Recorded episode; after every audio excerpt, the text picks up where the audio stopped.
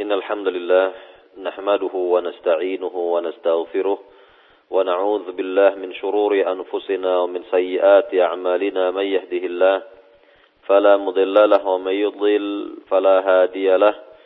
أشهد أن لا إله إلا الله وحده لا شريك له.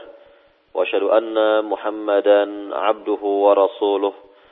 أما بعد فإن أصدق الحديث كتاب الله.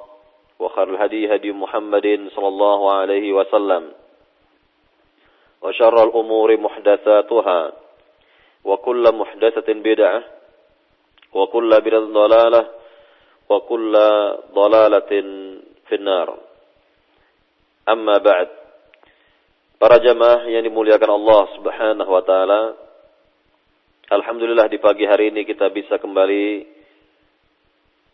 mendengarkan pembahasan dari kitab Al-Aqidatu Awwalan Law Kanu Ya'lamun. Akidah terlebih dahulu jika mereka mengetahuinya. Karya dari Syekh Saleh Abdul Wahid hafizahullah taala yang telah kita jelaskan pada pekan kemarin adalah berkenaan dengan dakwah Nabi yang mulia Ibrahim alaihissalam. Di mana Nabi Ibrahim alaihissalam mendapatkan petunjuk dari Allah Subhanahu wa taala untuk menghancurkan patung-patung atau berhala-berhala atau tuhan-tuhan dari kaumnya di mana mereka pada hari raya atau sebelum berhari raya mereka menyengaja untuk membuat makanan membuat berbagai macam aneka makanan kemudian diletakkan di hadapan tuhan-tuhan mereka diletakkan di hadapan patung-patung mereka, berhala-berhala mereka dengan keyakinan bahwa makanan-makanan tersebut akan diberkahi oleh Tuhan-Tuhan mereka. Maka inilah yang kita lihat dari kaum Nabi Ibrahim. Baru setelah itu mereka menuju tempat tertentu untuk melangsungkan ibadah mereka pada hari raya tersebut kemudian selesai beribadah pada hari raya mereka akan, akan kembali mengambil makanan-makanan tersebut. Namun yang mereka lihat adalah pemandangan yang sangat mengejutkan diri mereka bahwa Tuhan-Tuhan mereka telah hancur. Tuhan-Tuhan mereka uh, hancur berantakan dan dalam hal ini mereka tidak dapat berbuat apa-apa dan mereka menuduhkan hal ini kepada Nabi Ibrahim alaihissalam sehingga kita lihat tentang reaksi dari kaum Nabi Ibrahim bahwa mereka membela Tuhan-Tuhan mereka ini, membela patung-patung mereka dan mereka ingin membakar Nabi yang mulia ini. Namun tentunya Allah Subhanahu wa taala menyelamatkan Nabi Ibrahim alaihissalam dari perbuatan buruk kaumnya ini maka kita dengarkan kembali di sini keterangan dari Syekh Salih tentang dakwah Nabi Ibrahim alaihissalam di mana beliau mengajak kaumnya kepada tauhid, mengajak kaumnya untuk benar-benar beribadah kepada Allah Subhanahu wa taala dan tidak menyembah kepada selainnya. Dikatakan oleh Syekh Salih di sini ibadallah wahai para hamba Allah man da'a ila tauhidi falyubashshir bisa'adati dunya wal akhirah. Barang siapa mendakwahkan manusia kepada tauhid, barang siapa mendakwahkan manusia kepada tauhid, yakni beribadah hanya kepada Allah semata, maka akan diberikan kabar gembira tentang kebahagiaan di dunia dan di akhirat. Nata'ij tauhid fi dunya qabla al-akhirah azimah. Beliau mengatakan bahwa hasil yang diperoleh dari tauhid atau dari bertauhid kepada Allah Subhanahu wa taala dalam kehidupan dunia adalah sangatlah besar.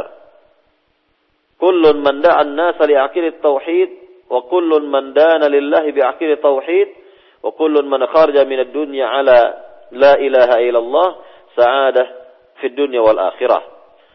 Maka beliau mengatakan barang siapa menyeru manusia, mengajak manusia mendakwahkan manusia kepada akidah tauhid ini dan barang siapa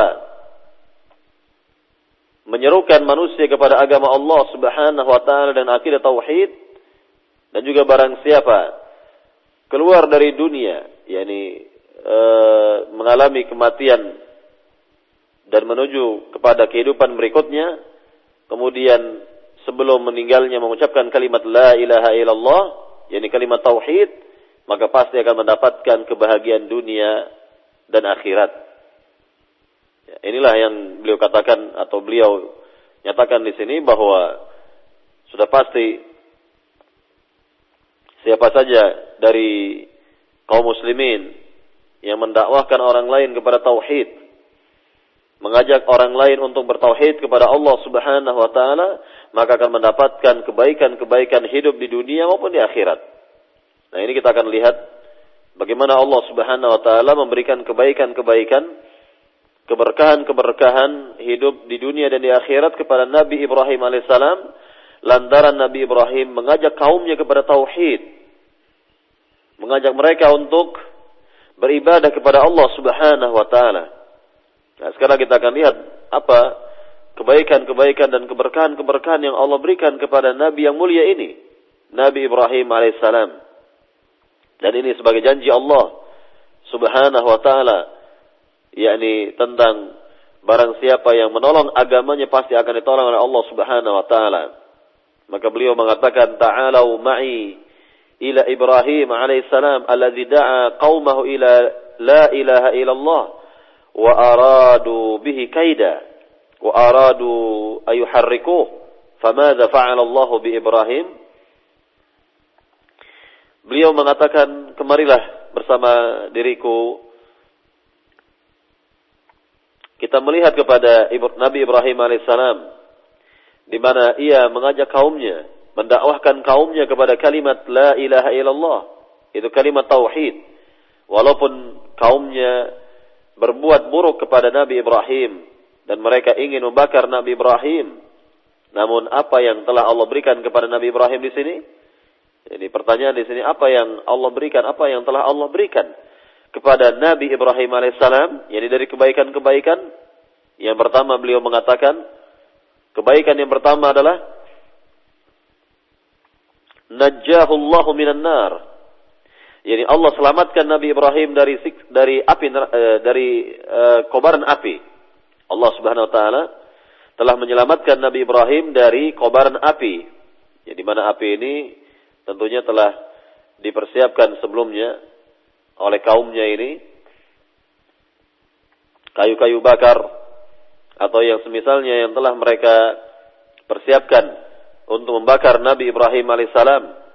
Maka Allah Subhanahu wa taala tentu tidak tinggal diam dalam hal ini. Allah Subhanahu wa taala menyelamatkan nabinya menyelamatkan Nabi Ibrahim alaihissalam. Nah, di sini kita lihat dalil yang dibawakan oleh Syekh Salih dalam surat Al-Ankabut ayat 24 di mana Allah Subhanahu wa taala berfirman "Fama kana jawab qaumih illa an qalu uqtuluh aw harrikuh fanjahu Allah minan nar inna fi dzalika laayatin liqaumi yu'minun" Maka jawaban dari kaumnya dari firman Allah Subhanahu wa taala sekali lagi, makna dari firman Allah, maka jawaban dari kaumnya adalah mereka berkata, bunuhlah dia atau bakarlah ia. Maka Allah Subhanahu wa taala selamatkan Nabi Ibrahim dari kobaran api. Inna fi dzalika laayatin liqaumi yu'minun. Sungguhnya demikian itu adalah tanda tanda di antara tanda-tanda dari kebesaran dari kebesaran Allah kepada kaum yang beriman. Nah, inilah yang kita lihat dari kebaikan yang Allah berikan kepada Nabi Ibrahim.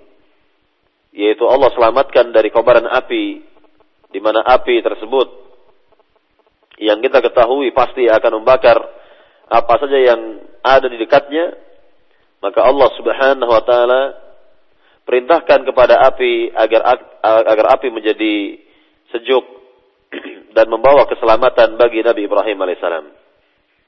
Di mana Allah Subhanahu wa taala katakan kepada api, yakni ya naru kuni bardan wa salaman ala Ibrahim. Wahai api, jadilah engkau sejuk dan memberikan keselamatan kepada Ibrahim, yakni Nabi Ibrahim alaihissalam. Inilah yang kita lihat dari kebaikan Allah Subhanahu wa taala. Dari keutamaan yang Allah berikan kepada Nabi yang mulia ini Nabi Ibrahim alaihissalam. Bahwa api tersebut tidaklah membakar fisik Nabi Ibrahim alaihissalam bahkan memberikan kebaikan kepada Nabi Ibrahim alaihissalam. Dan perlu juga di, diketahui di sini atau diterangkan lebih lanjut di sini bahwa api merupakan makhluk dari makhluk-makhluk Allah Subhanahu wa taala maka semua apa yang di alam yang ada di alam semesta ini adalah ciptaan Allah Subhanahu wa taala, maka semuanya tunduk kepada Rabbul Alamin. Semua tunduk terhadap perintah Allah Subhanahu wa taala. Para pendengar di Raja yang dimuliakan Allah Subhanahu wa taala, inilah keutamaan yang Allah berikan kepada Nabi Ibrahim, yakni Allah selamatkan dari kobaran api dan kelak di negeri akhirat nanti Allah Subhanahu wa taala akan memberikan pakaian yang pertama, pakaian pertama kali kepada Nabi Ibrahim sebelum kepada manusia-manusia yang lain di negeri akhirat. Ini merupakan al-jaza min jinsil amal, balasan sesuai dengan amal perbuatan, di mana kita lihat bahwa dalam sejarah kehidupan Nabi Ibrahim, yakni sebelum Nabi Ibrahim dilemparkan ke dalam kobaran api, maka Nabi Ibrahim dipermalukan di hadapan kaumnya, ditelanjangi, semua pakaiannya dilucuti, dan tidak ada sehelai pun benang yang ada pada tubuh Nabi Ibrahim alaihissalam. Sehingga beliau terlihat yakni auratnya dan dipermalukan sekali lagi oleh kaumnya ini.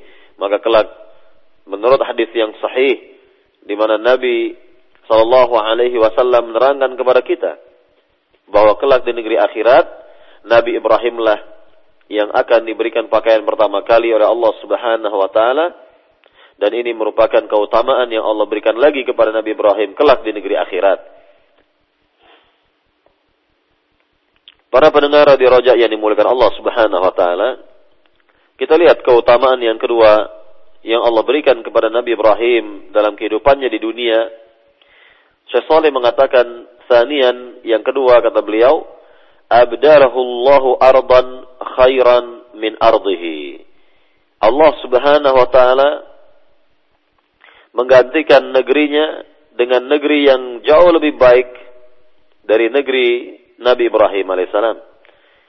Kita mengetahui bahwa Nabi Ibrahim alaihissalam berada di negeri Irak, berada di negeri Babilonia ketika itu.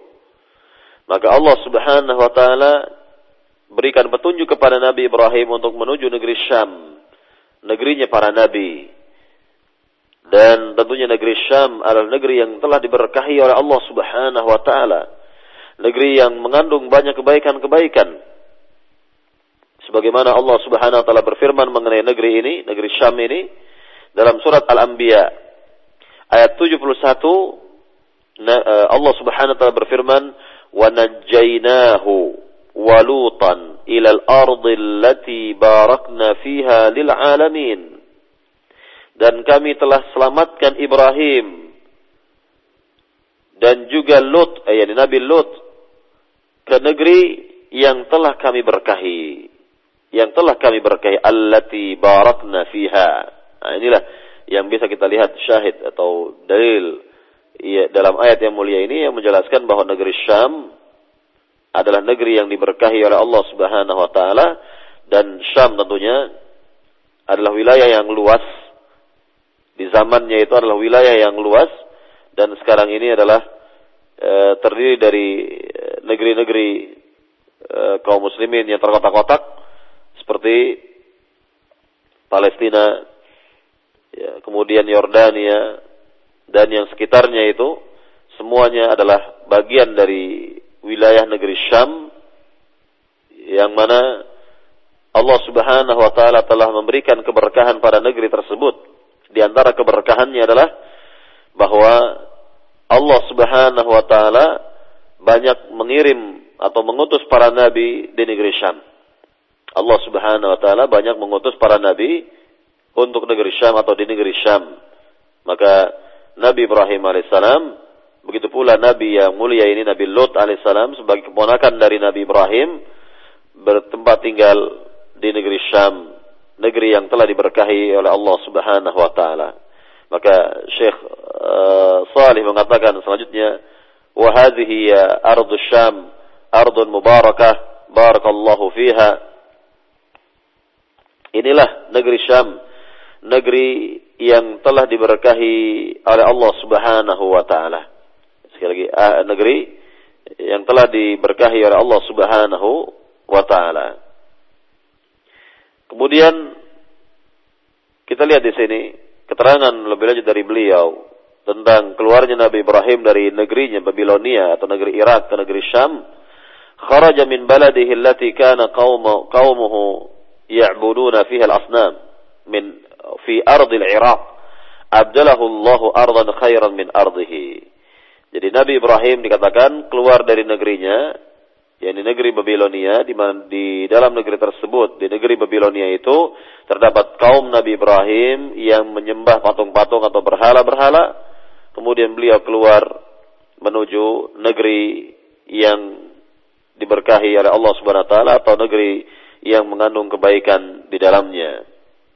Nah, inilah yang kita lihat dari kebaikan yang Allah berikan, keutamaan besar yang Allah berikan kepada Nabi Ibrahim alaihissalam, bahwa pada dasarnya semua permukaan bumi ini adalah milik Allah Subhanahu wa taala dan pada dasarnya pula bahwa orang-orang yang berimanlah yang dapat memakmurkan ya, dunia ini dan mereka lah yang dapat menghidupkan dunia ini maka orang-orang yang berbuat syirik di dunia ini pada dasarnya tidak memakmurkan dunia justru yakni menodai kehidupan dunia dan merusak tatanan kehidupan di dunia ini ya, dan inilah yang kita lihat dari uh, apa yang diperbuat oleh kaum Nabi Ibrahim alaihissalam di mana mereka banyak berbuat kerusakan-kerusakan di muka bumi maka kerusakan yang paling nyata dan yang paling jelas pada diri mereka adalah perbuatan syirik yang mereka lakukan beribadah kepada selain Allah Subhanahu wa taala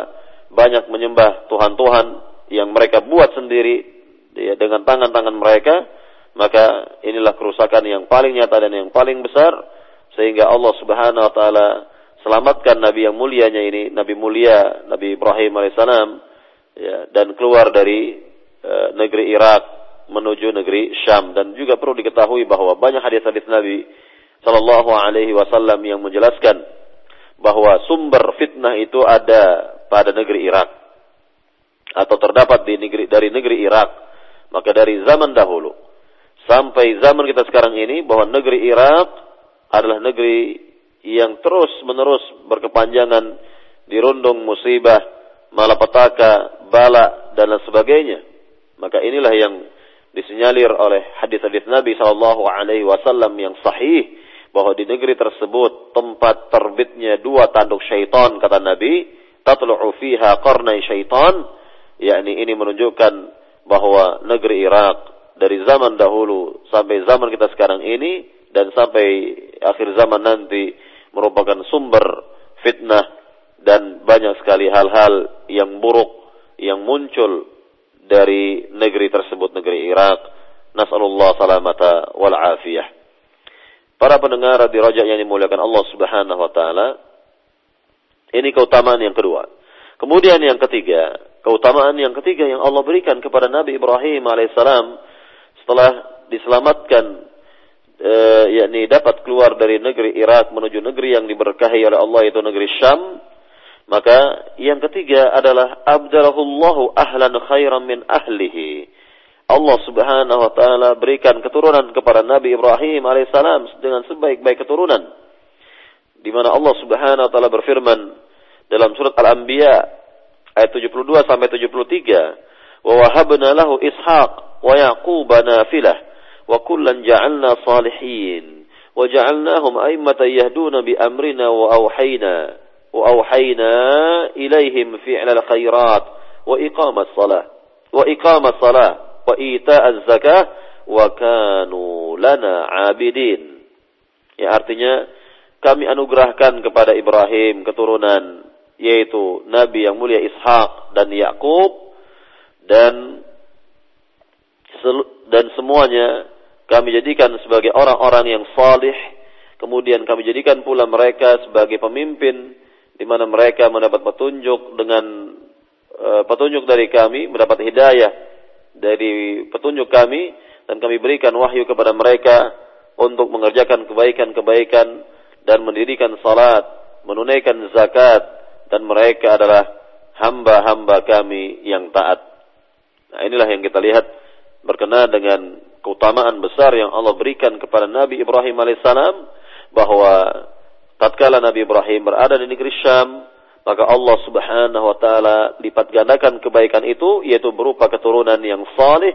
Allah berikan keturunan-keturunan yang saleh dan banyak dari keturunan Nabi Ibrahim yang kelak menjadi para nabi, para rasul, maka berhaklah Nabi Ibrahim ini mendapatkan gelar yang disebut oleh para ulama yakni Abul Anbiya, bapaknya para nabi. Bapaknya para nabi. Ini lantaran banyak dari keturunan-keturunan Nabi Ibrahim ini yang menjadi nabi-nabi. Ya, orang-orang saleh. Nah, inilah yang kita lihat berupa keutamaan yang Allah berikan kepada Nabi Ibrahim lantaran ia memperjuangkan tauhid. Nabi Ibrahim ini memperjuangkan tauhid. Nabi Ibrahim mengajak kaumnya dengan sekuat tenaganya e, mengajak mereka untuk bertauhid kepada Allah Subhanahu wa taala. Walaupun kita lihat bahwa akhirnya Nabi Ibrahim juga terusir dari kaumnya e, atau keluar dari kaumnya dan e, tidaklah e, beriman e, di antara kaumnya ini kecuali beberapa gelintir orang yang dapat dihitung dengan jari dan tentunya adalah orang-orang terdekat dari Nabi Ibrahim alaihissalam maka eh, Allah Subhanahu wa taala tidaklah membiarkan usaha-usaha Nabi Ibrahim begitu saja sia-sia. Namun Allah ganjar dan Allah balas dengan balasan yang sangat baik di dunia wal akhirah baik di dunia maupun di akhirat. Maka kita lihat di sini keterangan lebih lanjut dari Syekh Saleh.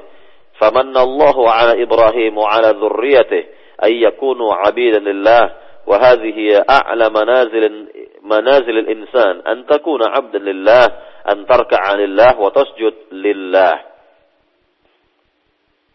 maka inilah anugerah yang Allah berikan kepada Nabi Ibrahim yaitu dari sisi keturunannya di mana mereka semua menjadi hamba-hamba Allah yang taat dan ini adalah setinggi-tinggi kedudukan manusia yaitu menjadi hamba-hamba Allah yang taat dan tentunya hendaknya rukuk dan sujud ditujukan kepada Allah Subhanahu wa taala. Rukuk dan sujud dialamatkan kepada Allah Subhanahu wa taala. Kemudian beliau beliau pun mengatakan, "Amma idza kunta tarka' lil mansib walid dinar walid dunya faqad khasirta ya 'abdallah." Apabila Anda, kata Syekh Saleh, apabila Anda melakukan ruku karena jabatan atau karena materi, karena dunia, maka Anda telah merugi wahai hamba Allah.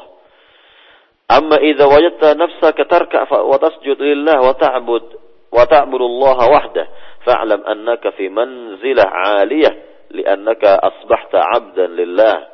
Namun jika engkau sujud dan rukuk hanya kepada Allah Subhanahu wa taala, beribadahnya kepada hanya kepada Allah Subhanahu wa taala, maka ketahuilah bahwa dirimu berada pada kedudukan yang tinggi dan engkau menjadi hamba sejati, hambanya Allah Subhanahu wa taala. Para pendengar di rojak yang dimuliakan Allah Subhanahu wa taala, nah ini yang kita lihat dari keturunan-keturunan yang saleh yang dimiliki oleh Nabi Ibrahim alaihissalam bahwa beliau mendapatkan anak-anak yang saleh, keturunan-keturunan yang saleh, bahkan mereka menjadi para nabi, menjadi contoh bagi seluruh manusia, menjadi contoh seluruh bagi seluruh umat atau manusia di zamannya. Maka hendaknya kita mencontoh beliau alaihissalam agar kita juga mendapatkan keutamaan-keutamaan yang besar seperti ini. Maka dalam hal ini hendaknya kita juga yakni memberikan kontribusi terhadap dakwah tauhid ini. Memberikan kontribusi terhadap dakwah Islam. Berupaya berusaha untuk mendakwakan saudara kita agar mereka bertauhid kepada Allah Subhanahu wa taala. Menyibukkan diri kita juga dalam rangka mendakwahkan mereka kepada tauhid ini. Nah, di sini ada seruan dari Syekh Saleh Abdul Wahid dalam kitabnya beliau mengatakan ya duat al-Islam. Wahai para dai-dai yang mengajak kepada agama Islam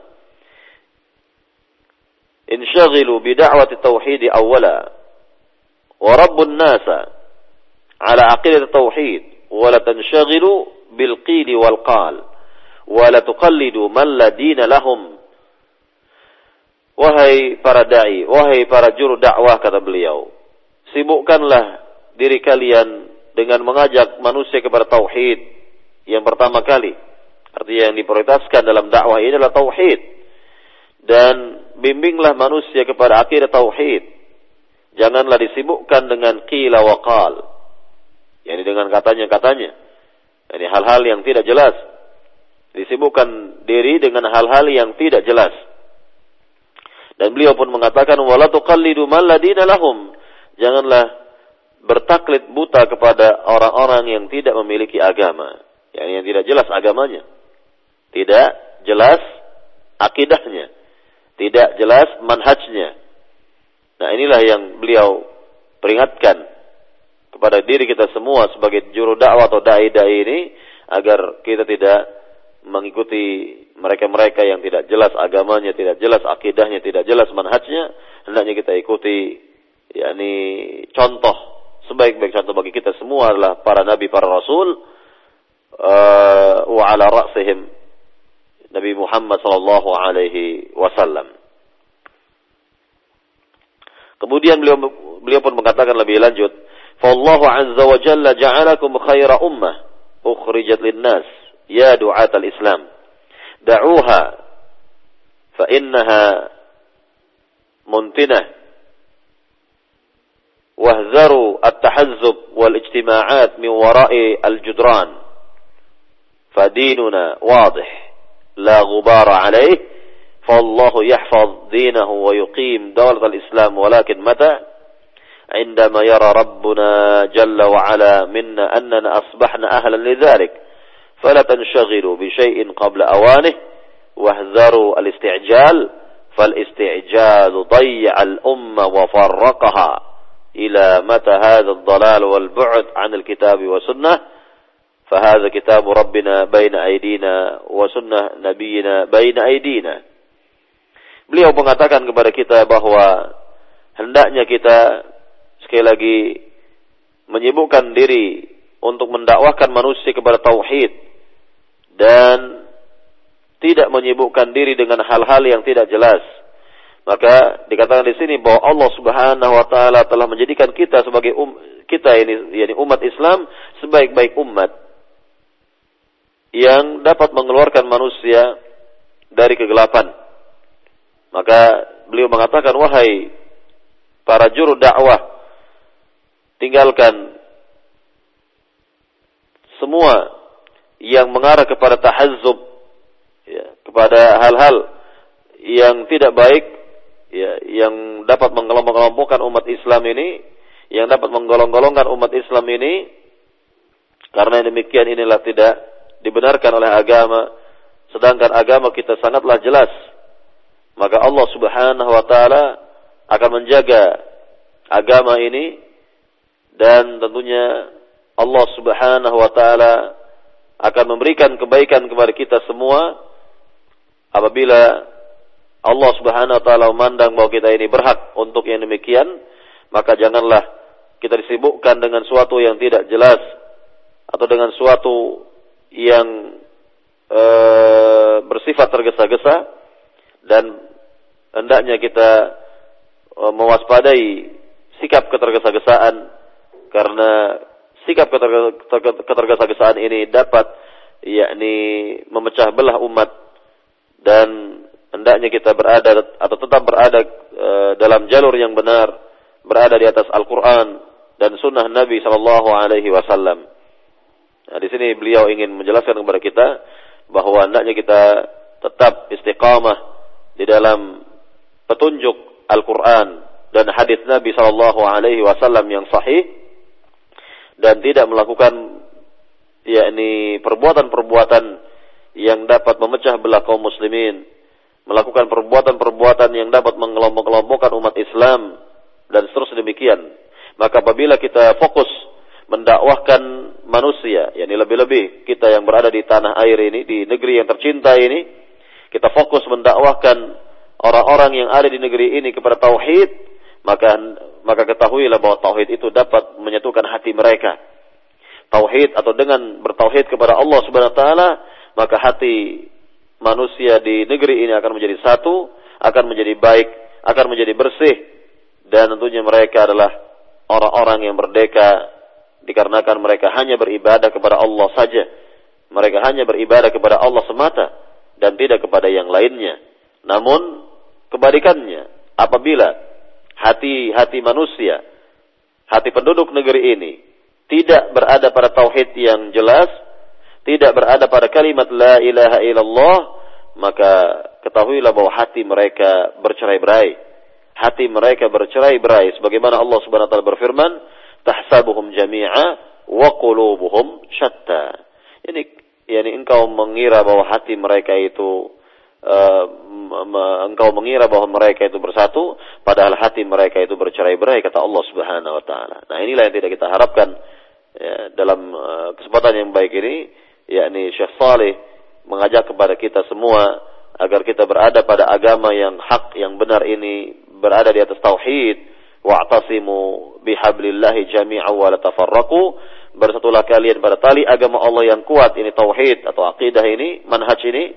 Dan jangan kalian bercerai-berai jangan kalian bercerai-berai maka sekali lagi apabila manusia dan penduduk negeri ini semua bertauhid kepada Allah Subhanahu wa taala maka akan terjadi persatuan yang luar biasa, ya akan terjadi hal-hal akan lahir hal-hal yang besar yang baik untuk negeri ini. Dan Allah Subhanahu wa taala juga akan memberikan keberkahan-keberkahan bagi negeri ini.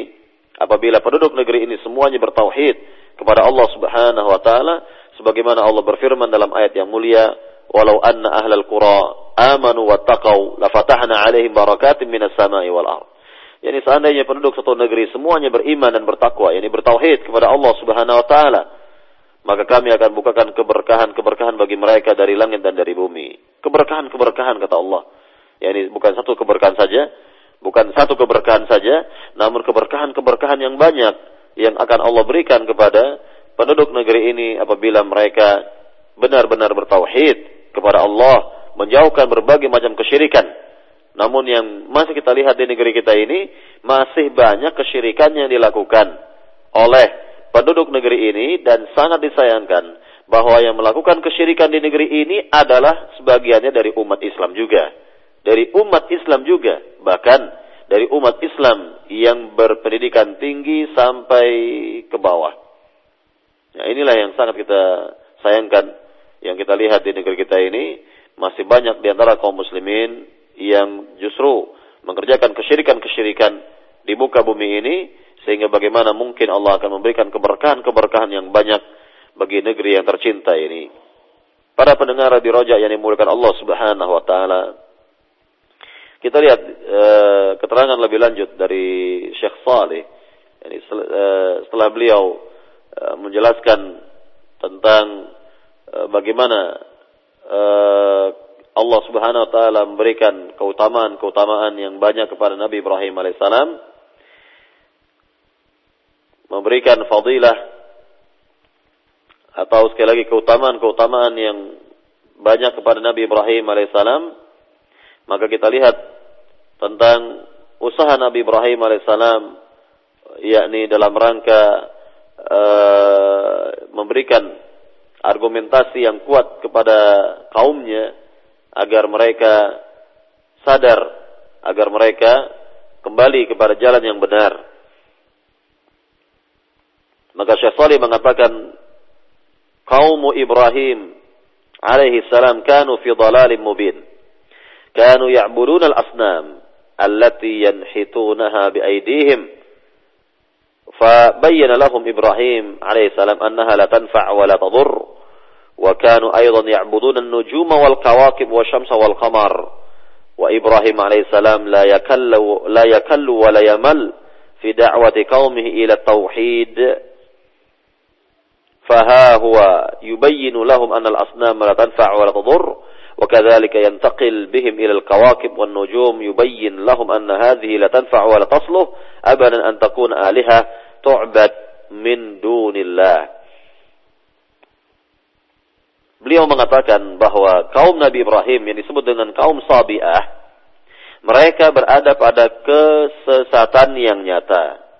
Ada di antara mereka yang menyembah berhala-berhala atau patung-patung, di mana patung-patung tersebut mereka pahat sendiri dengan tangan-tangan mereka, maka Nabi Ibrahim telah menjelaskan kepada mereka bahwa patung-patung tersebut tidaklah dapat memberikan manfaat, tidak pula dapat memberikan bahaya, dan di antara mereka yang lain atau di antara kaum Sabiah juga ada yang menyembah benda-benda langit seperti bintang-bintang, ya, bulan dan matahari, maka Nabi Ibrahim tidaklah merasa bosan, tidaklah merasa bosan dalam mendakwakan ke kaumnya kepada tauhid.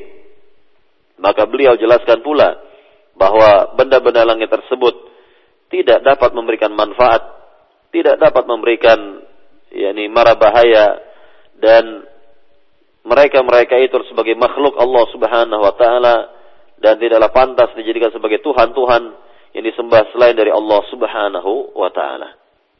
Nah, ini yang kita lihat di sini bahwa selain dari kaum Sabiah ini menyembah berhala-berhala, patung-patung, tuhan-tuhan yang mereka pahat sendiri dengan tangan-tangan mereka, ternyata ada pula di antara kaum Sabiah kaum Nabi Ibrahim ini yang menyembah benda-benda langit seperti seperti bintang-bintang atau bulan dan juga matahari.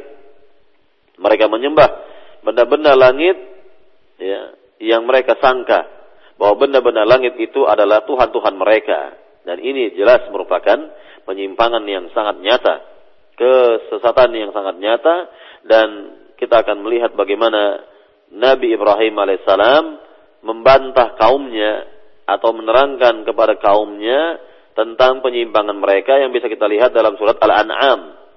Sekali lagi bisa kita lihat dalam surat Al-An'am dari ayat 74 sampai 79. Maka kita dengar, dengarkan sejenak ayat-ayat yang mulia ini ya, di mana Allah Subhanahu wa taala berfirman tentang uh, sikap Nabi Ibrahim yang menerangkan kepada mereka mengenai penyimpangan-penyimpangan kaumnya ini, Allah Subhanahu wa taala berfirman, "Wa idz qala Ibrahim li abih, azara atattakhidhu asnaman aliha, inni araka wa qaumaka fi dhalalin mubin." وكذلك نري إبراهيم ملكوت السماوات والأرض وليكون من الموقنين فلما جن عليه الليل رأى كوكبا قال هذا ربي فلما أفل قال لا أحب الآفلين. فلما رأى القمر بازغا قال هذا ربي. فلما أفل قال لئن لم يهدني ربي لأكونن من القوم الضالين. فلما رأى الشمس بازغة قال هذا ربي. هذا أكبر.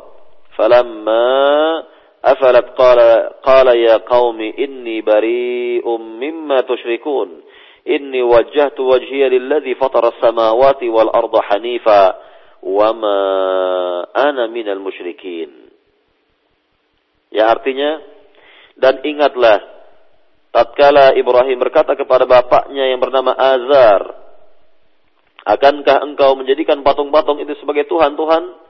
Sungguhnya aku melihat dirimu dan kaummu dalam kesesatan yang nyata.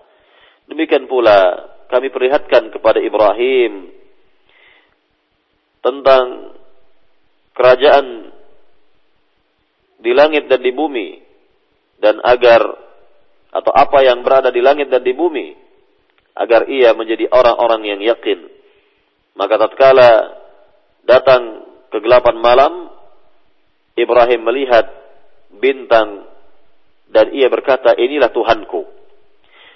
Maka tatkala bintang tersebut lenyap atau hilang, maka ia berkata, aku tidak suka Tuhan yang mengalami atau yang lenyap tersebut.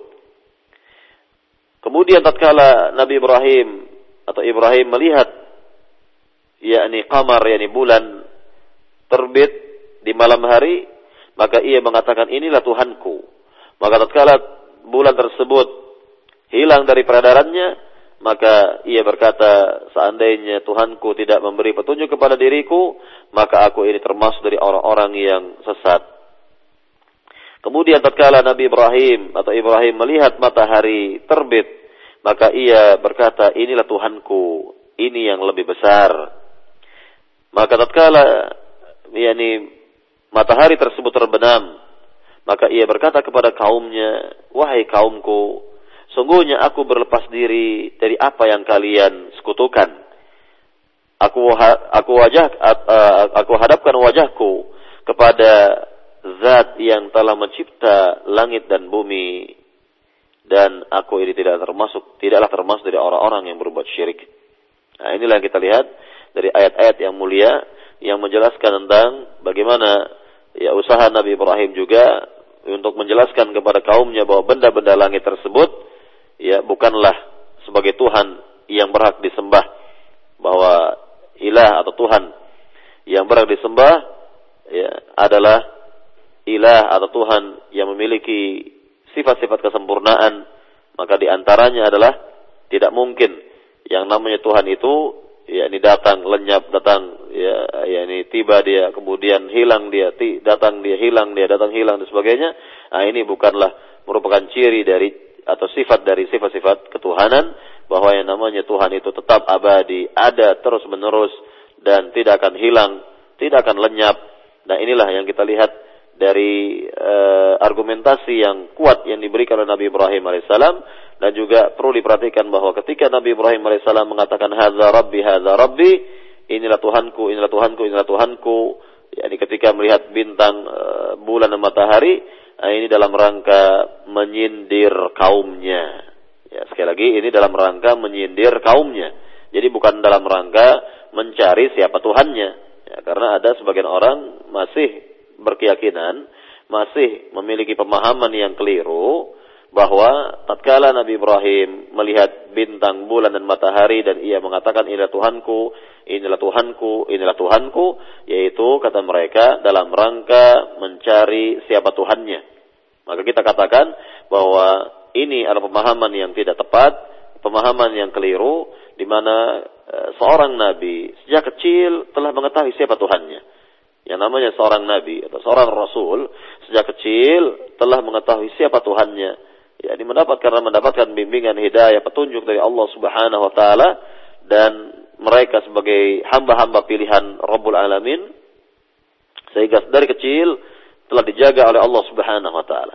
Dari kecil mereka tidak pernah berbuat syirik kepada Allah Subhanahu wa taala. Dari kecil mereka telah mengenal siapa Rabbnya. Mereka telah berpikir tentang alam semesta ini. Dan inilah ya berkenaan dengan Nabi Ibrahim alaihissalam juga demikian keadaannya. Beliau sejak kecil telah mengetahui siapa Tuhannya. Sejak kecil beliau tidak pernah berbuat syirik kepada Allah SWT walaupun bapaknya sendiri yakni ahli dalam membuat patung, tapi beliau tidak pernah terjerumus dalam perbuatan syirik kepada Allah Subhanahu wa taala. Jadi sekali lagi bahwa apa yang diyakini oleh sebagian orang bahwa Nabi Ibrahim tengah mencari atau sedang mencari siapa Tuhannya, ini adalah yakni pemahaman yang tidak mendasar sama sekali, pemahaman yang keliru dan tentunya bertolak belakang dengan apa yang diinginkan oleh Allah Subhanahu wa taala dari hamba-hamba pilihannya yakni berupa kesucian mereka sejak kecil yang telah dijaga oleh Allah Subhanahu wa taala sampai mereka dewasa, sampai mereka wafat bahkan mereka tetap berada pada agama yang lurus, eh, tetap berada pada tauhid, dan tentunya uh, inilah keutamaan ya, para nabi para rasul yang dijaga kehidupan mereka oleh Allah Subhanahu wa taala sehingga tidaklah berbuat penyimpangan-penyimpangan dalam hidupnya. Para pendengar di rojak yang dimuliakan Allah Subhanahu wa taala, barangkali eh, sampai di sini keterangan eh, dari eh, kisah Nabi yang mulia ini Nabi Ibrahim alaihissalam berdasarkan dalil dari ayat dari ayat Al-Qur'an Al-Karim yang menjelaskan tentang usaha-usaha beliau yang maksimal, usaha-usaha beliau yang luar biasa di mana beliau yakni sangat bersemangat sekali untuk mengajak kaumnya kepada agama Allah, kembali kepada tauhid dan hendaknya inilah pula yang kita tiru sebagai juru dakwah atau dai-dai atau sebagai kaum muslimin meniru dakwah beliau ya dan secara umum dakwah e, para nabi, para rasul, wabil khusus dakwah Nabi Muhammad sallallahu alaihi wasallam yang mengajak kaumnya kepada yakni tauhid, mengesahkan Allah Subhanahu wa taala, mengikhlaskan seluruh amal-amal karena Allah Subhanahu wa taala. Dan insyaallah kita akan lanjutkan kembali yakni dari dakwah Nabi Ibrahim alaihissalam ini pada pekan depan ya insyaallah taala dengan uh, pelajaran-pelajaran yang berharga yang akan kita sebutkan ya pekan depan insyaallah taala yang berkaitan langsung dengan dakwah Nabi Ibrahim alaihissalam dan kita kembalikan kepada pembawa acara di studio untuk soal jawab apabila ada pertanyaan yang terkait dengan materi kita di pagi hari ini. Fale tafadhol. Silakan. Nah, Ustaz. Khairan atas materi yang telah antum sampaikan di pagi hari ini dan untuk selanjutnya kita akan simak bersama sisi soal jawab dan kami menunggu beberapa pertanyaan dari para pendengar semuanya yang ingin bertanya seputar materi yang telah disampaikan oleh Ustadz untuk Anda yang ingin bertanya, Anda bisa kirimkan pertanyaan Anda di 0819896543 dan bagi Anda yang bertanya secara langsung, Anda bisa menghubungi kami di 0218236543. Namun saat kita angkat pertanyaan dari beberapa pesan singkat yang telah masuk Ustaz. Dari pendengar kita, beliau bertanya Ustaz, apakah Allah Subhanahu wa taala mengutus para nabinya hanya di negeri-negeri Arab saja dan apakah ada para nabi yang diutus selain di negeri-negeri Arab dari pendengar kita di Karawang? Silakan Ustaz. Iya. Allah Subhanahu wa taala telah mengutus para nabinya di berbagai negeri di berbagai uh, wilayah yang dikehendaki oleh Allah Subhanahu wa taala. Yakni sebahagiannya diutus oleh Allah Subhanahu wa taala di negeri Arab ya seperti di negeri Syam di Jazirah Arab misalnya dan ada pula di antara mereka yang memang tidak diutus di negeri Arab. Sebagai contoh misalnya yang yang, yang e, baru saja kita kaji adalah Nabi Ibrahim alaihissalam bahwa Nabi Ibrahim jelas bukanlah orang Arab pada dasarnya. Beliau berkebangsaan Irak atau Babilonia. Dan ini bukan termasuk dari ya ini wilayah Arab.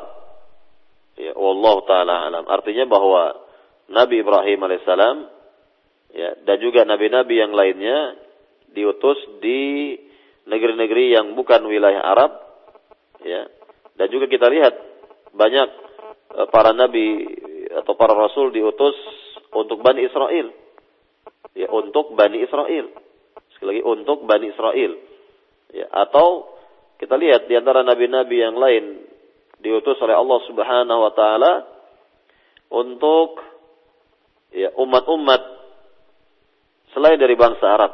Yang jelas bahwa eh, Allah Subhanahu wa taala mengutus para nabinya ya untuk seluruh umat manusia yang ada di zaman-zaman mereka ya dari zaman dahulunya itu. Dan Allah Maha tahu tentang diutusnya para nabi kepada umat-umat tersebut demi kemaslahatan mereka semua dan perlu juga kita ingat bahwa jumlah para nabi yang telah Allah utus ke dunia ini sangatlah banyak sekali. Nah, disebutkan dalam uh, yakni kitab Manhajul Anbiya fi Da'wa ya Allah.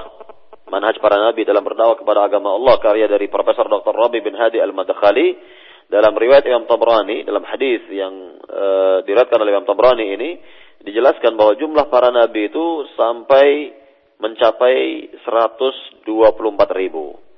124 ribu. Maka sebahagiannya memang ada diutus di Jazirah Arab atau pada bangsa-bangsa Arab dan ada pula di antara mereka diutus oleh Allah SWT yakni pada selain bangsa-bangsa Arab ya wallahu taala alam. Nah. Nah, Ustaz. Jazakallah khairan, Ustaz. Dan masih dari pertanyaan pesan singkat Ustaz sebelum kita angkat dari penelpon kita yang menghubungi kami di 0218236543 dari pendengar kita di Majalengka Ustaz beliau bertanya Ustaz dalam surat Ibrahim ayat ke-40 itu ada doa Nabi Ibrahim alaihissalam untuk mendapatkan anak yang soleh. Bolehkah kita berdoa dengan doa tersebut Ustaz? Mohon Ustaz berikan penjelasan. Silakan Ustaz. Iya, bahwa uh, secara umum bahwa doa-doa yang terdapat dalam Al-Qur'an dan doa-doa yang terdapat dalam hadis-hadis yang sahih adalah doa-doa yang mustajab, doa-doa yang sangat bagus sekali. Doa-doa yang sangat uh, yakni disenangi oleh Allah Subhanahu wa taala. Doa-doa yang bisa kita lihat dalam Al-Qur'an misalnya ya dan juga dari hadis-hadis Nabi sallallahu alaihi wasallam maka inilah yang mestinya kita pakai dalam berdoa kepada Allah Subhanahu wa taala dan ya sekali lagi ini eh, yang sangat bermanfaat bagi diri kita ya kalau kita berdoa dengannya ya dan tentunya sekali lagi tidak akan menyimpang kita karena apa yang terdapat dalam Al-Qur'an tentu min indillah datang dari Allah Subhanahu wa taala dan apa yang terdapat dalam hadis-hadis Nabi sallallahu alaihi wasallam juga pada dasarnya petunjuk dari Allah Subhanahu wa taala yang Allah yang Allah sampaikan kepada Nabi yang mulia Nabi Muhammad sallallahu alaihi wasallam. Maka sangatlah bermanfaat sekali, sangatlah baik sekali apabila kita memakai doa-doa tersebut ya, yang mana doa-doa itu berasal langsung dari firman Allah Eh, dari kalam ilahi yang terdapat dalam Al-Quran dan juga yang terdapat dalam hadis Nabi uh, Sallallahu Alaihi Wasallam yang sahih. Nah inilah yang yang perlu kita uh, kembangkan dan kita ajarkan kepada kaum muslimin agar mereka tahu isi dari Al-Quran yang di antara isinya adalah yakni mengandung doa-doa yang mulia, doa-doa yang baik sekali. Ya. Dan juga yang terdapat dalam hadis-hadis Nabi ya merupakan doa-doa yang berasal dari lisan Nabi Muhammad sallallahu alaihi wasallam. Ya, wallahu taala alam. Nah. Jazakallah khair, Ustaz. Dan untuk berikutnya, Ustaz, kita akan angkat dari pendengar kita melalui telepon yang akan bertanya dengan Al-Ahfadli di Parung. Silakan. Assalamualaikum, Ustaz. Ya, Waalaikumsalam warahmatullahi wabarakatuh. Dan mohon maaf, tolong dikecilkan suara radionya atau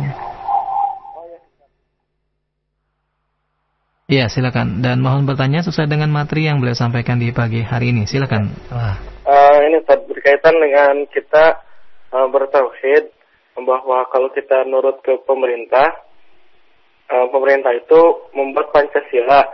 Nah, yang saya dengar bahwa ketuhanan yang Maha Esa itu adalah uh, membuat satu Tuhan yang dengan lambang Garuda yang bisa menaungi Tuhan-Tuhan yang antara Islam, Buddha atau yang lain-lainnya.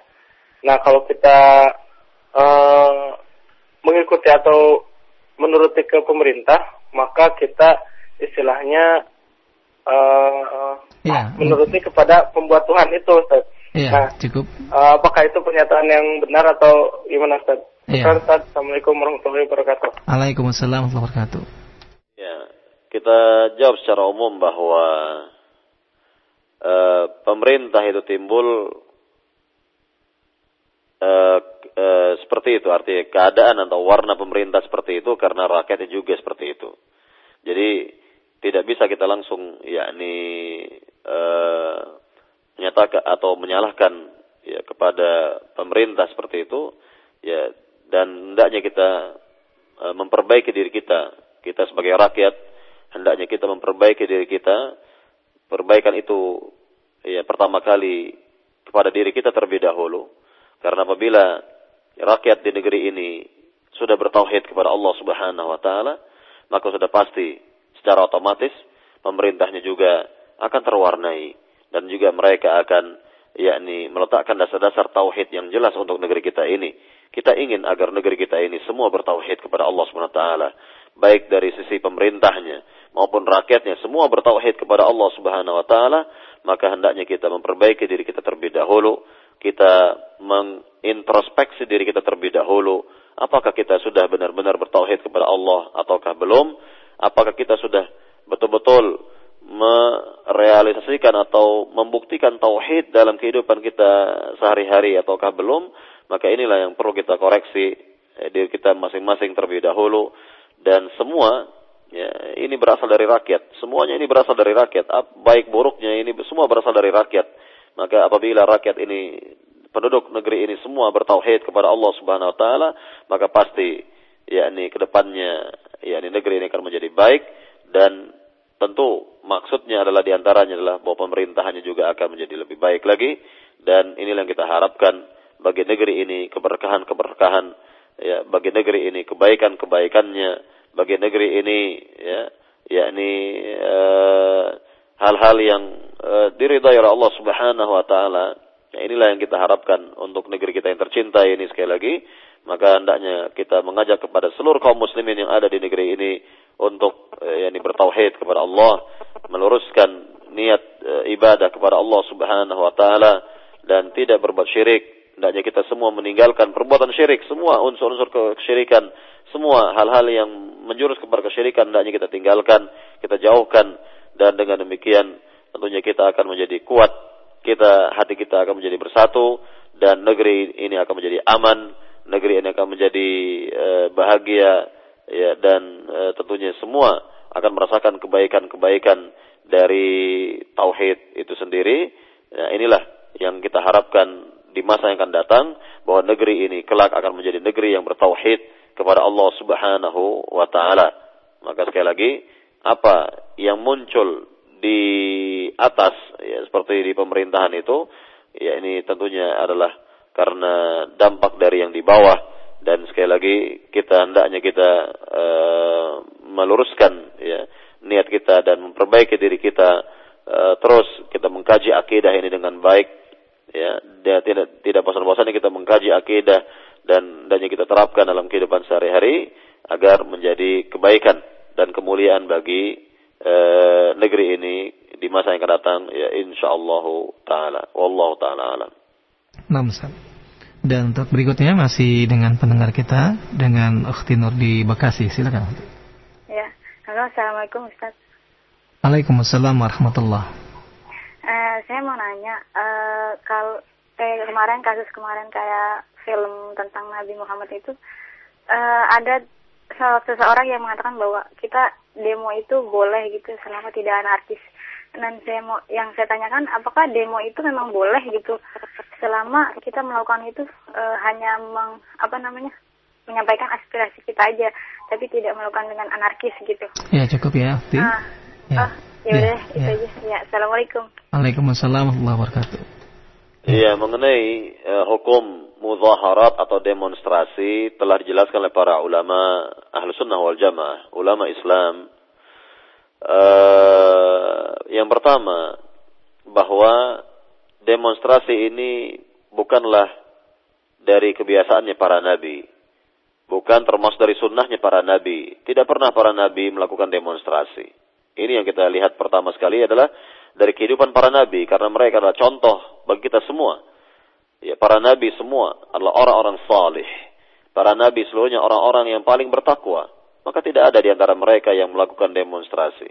Yang kedua, tidak pernah kita lihat dalam kehidupan eh, sahabat-sahabat Nabi Muhammad ya, eh, radhiyallahu taala anhu majma'in melakukan demonstrasi. Tidak ada, tidak pernah kita lihat para sahabat Nabi sekali lagi melakukan demonstrasi.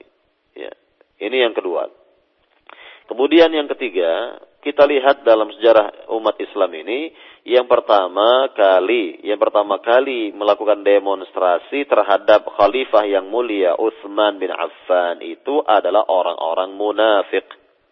Orang-orang ya, yakni uh, yang gemar berbuat maksiat, ya, orang-orang yang e, gemar berbuat kerusakan di muka bumi, orang-orang munafik di antara mereka. Nah, inilah yang pertama kali mendemo atau mengepung dan juga mendemo e, khalifah yang mulia Utsman bin Affan. Jadi bukan dari kalangan para sahabat.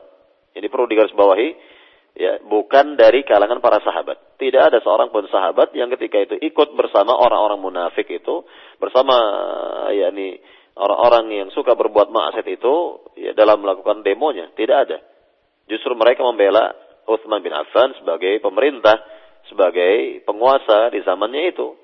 Maka inilah yang pertama kali dalam sejarah umat Islam yang melakukan demonstrasi atau yang mendemo pemerintahnya di zaman eh, itu ya di zaman khalifah yang mulia Utsman bin Affan adalah orang-orang zindiq, orang-orang munafik, orang-orang fasik, ya, orang-orang yang jauh dari agama, orang-orang yang gemar berbuat maksiat dan seterusnya demikian.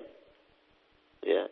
Dan tentunya otak dari ya, atau provokatornya dari perbuatan demo ini adalah orang Yahudi yang pura-pura masuk agama Islam yang bernama Abdullah bin Sabah atau Ibnu Sauda atau Ibnu Sabah. Nah, dialah otaknya. Ya, yakni otak dari yakni e, perbuatan demo ini. Maka bisa kita katakan bahwa demonstrasi itu pada hukum asalnya atau asalnya itu berasal dari Yahudi juga. Berasal dari Yahudi. Nah, jadi bukan berasal dari eh, Islam. Bukan berasal dari umat Islam. Bukan berasal dari para sahabat.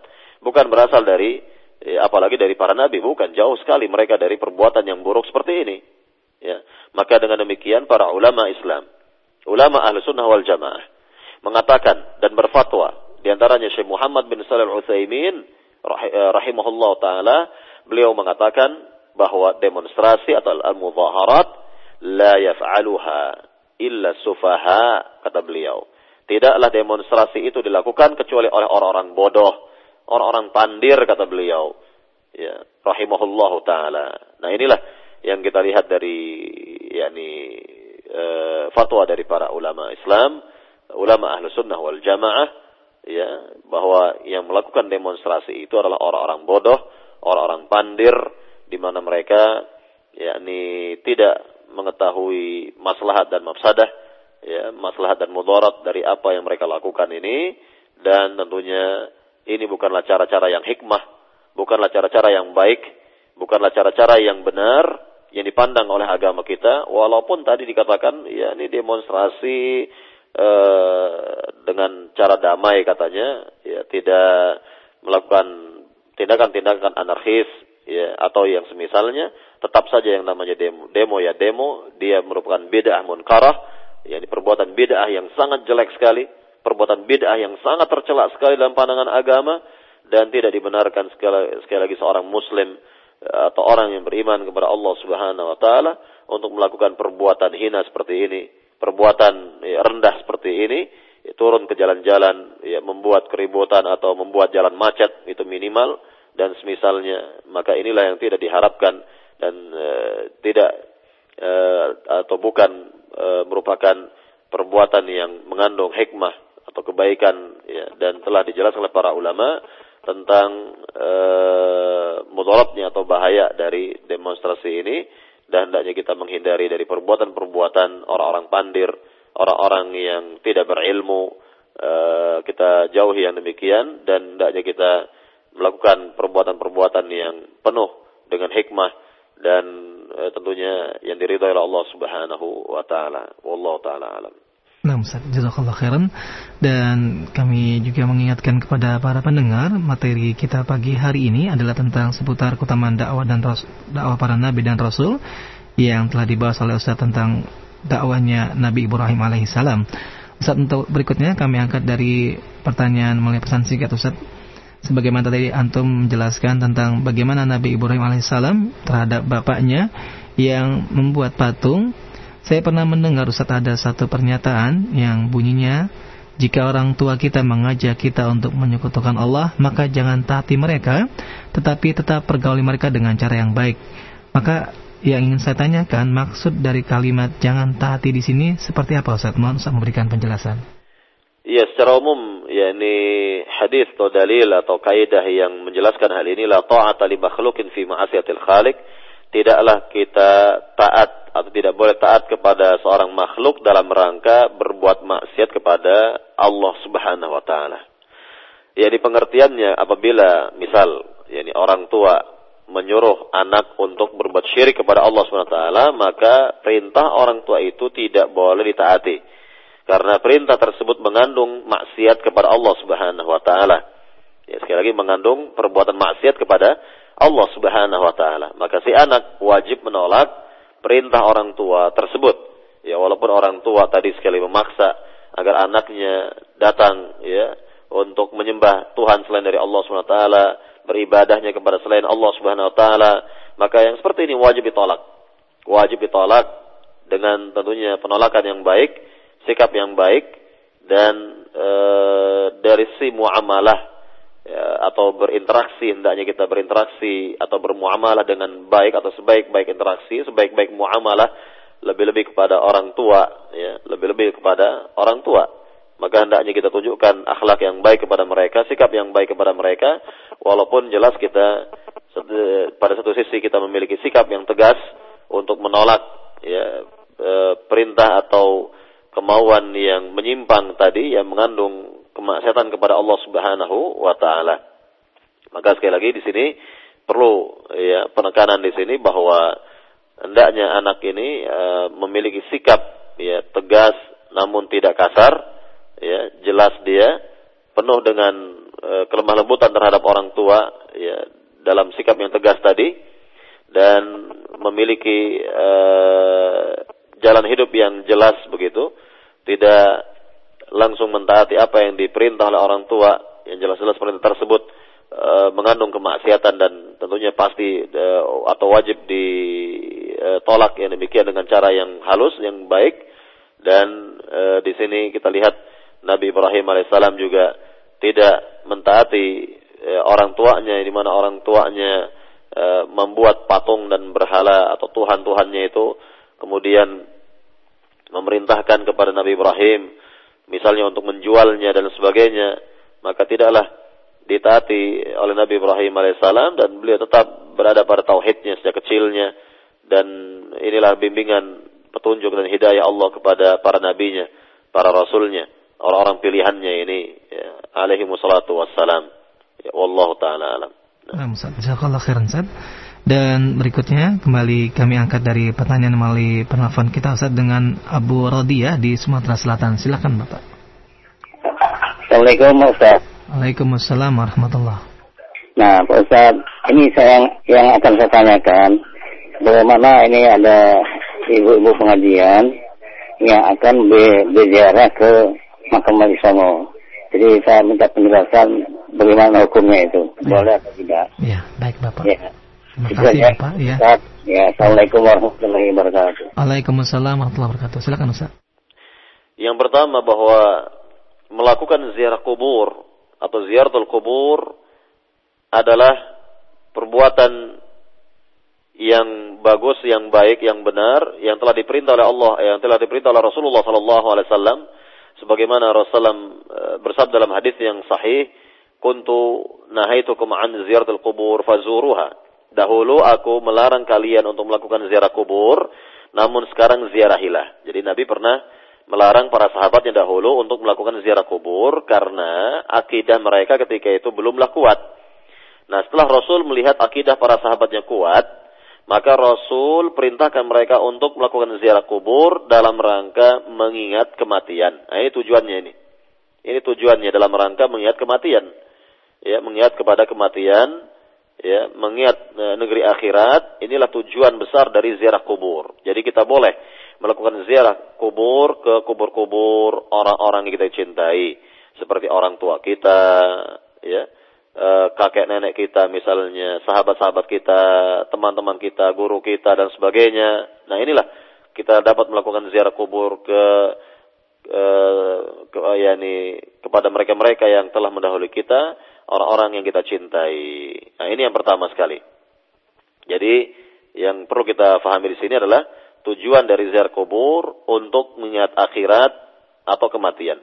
Kemudian yang kedua, ada larangan dari Nabi Shallallahu Alaihi Wasallam, yakni untuk melakukan ziarah kubur di mana eh, di mana ziarah ini menempuh perjalanan yang sangat jauh atau menempuh jarak safar. Apa kata Nabi Shallallahu Alaihi Wasallam? La tushaddur rihal illa ila thalathi masajid janganlah diadakan perjalanan yang bernilai ibadah kecuali pada tiga masjid, kata Nabi. Sekali lagi, Nabi mengatakan janganlah kalian mengadakan perjalanan jauh ya dalam rangka beribadah kepada Allah kecuali pada tiga masjid. Ya, Rasul tidak pernah mengatakan kecuali pada kuburanku misalnya. Lihat, kuburan Nabi Muhammad saja tidak dijadikan sebagai tujuan utama berziarah ketika seorang melakukan ziarah ke, ke negeri Madinah. Yakni dengan maksud bahwa apabila seorang muslim ya menyengaja safar atau mengadakan perjalanan jauh menuju negeri Madinah, maka niat pertama dan utamanya adalah menziarahi Masjid Nabawi dan bukan menziarahi kubur Nabi. Nah, ini jangan dibalik. Yang seperti ini jangan dibalik karena masih ada di antara umat Islam yang terbalik niatnya itu. Terbalik dia. Jadi yang pertama dan utama di hatinya adalah kubur Nabi, bukan Masjid Nabawi. Nah, ini yang keliru. Jadi berdasarkan hadis Nabi tadi, la tushaddur rihal illa ila salati masajid, janganlah kalian mengadakan perjalanan yang bernilai ibadah kecuali pada tiga masjid, maka sekali lagi kalau seorang ya menyengaja mengadakan perjalanan jauh menuju negeri Madinah, negeri Rasul, maka niat yang pertama dan utama yang ada di hatinya hendaknya adalah ziarah ke Masjid Nabawi. Nah, ini yang benar. Tapi kalau sudah ada niat pertama dan utamanya ziarah ke makam Rasul, maka ini harus dihapus.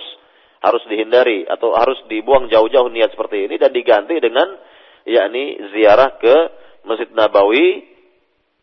Namun ketika sudah sampai di Masjid Nabawi, sudah menziarahi Masjid Nabawi, salat di dalamnya misalnya, ya seperti salat tahiyatul masjid, dua rakaat di dalamnya, baru setelah itu menuju makam Rasul untuk menziarahinya makam Nabi Muhammad SAW dan makam dua sahabat yang mulia Abu Bakar dan Umar kemudian juga kepada eh, makam uh, Baqi uh, Al-Gharqat ya uh, begitulah seterusnya jadi tidak uh, terbalik dalam niatnya ini nah di sini Nabi Shallallahu Alaihi Wasallam sekali lagi tidak pernah mengatakan ya yakni ziarahilah kuburku misalnya atau janganlah mengadakan perjalanan jauh yang bernilai ibadah kecuali pada kuburku misalnya. Tidak pernah Rasul mengatakan seperti ini. Nah, kalau Rasul saja, Nabi Muhammad saja tidak menyarankan atau tidak menjadikan niat utama dan pertama dalam ziarah ke negeri Madinah, yakni kuburnya,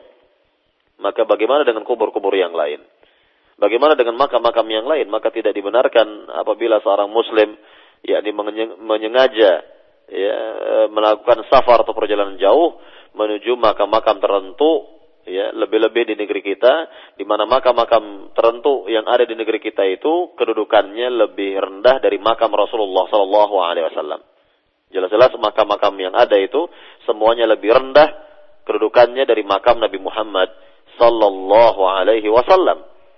Ya, jadi sekali lagi ya, uh, uh, harus diperhatikan di sini dan difahami dengan baik agar kita mendapatkan ya kebaikan dalam hidup ini dan tidak terjerumus kepada perbuatan syirik.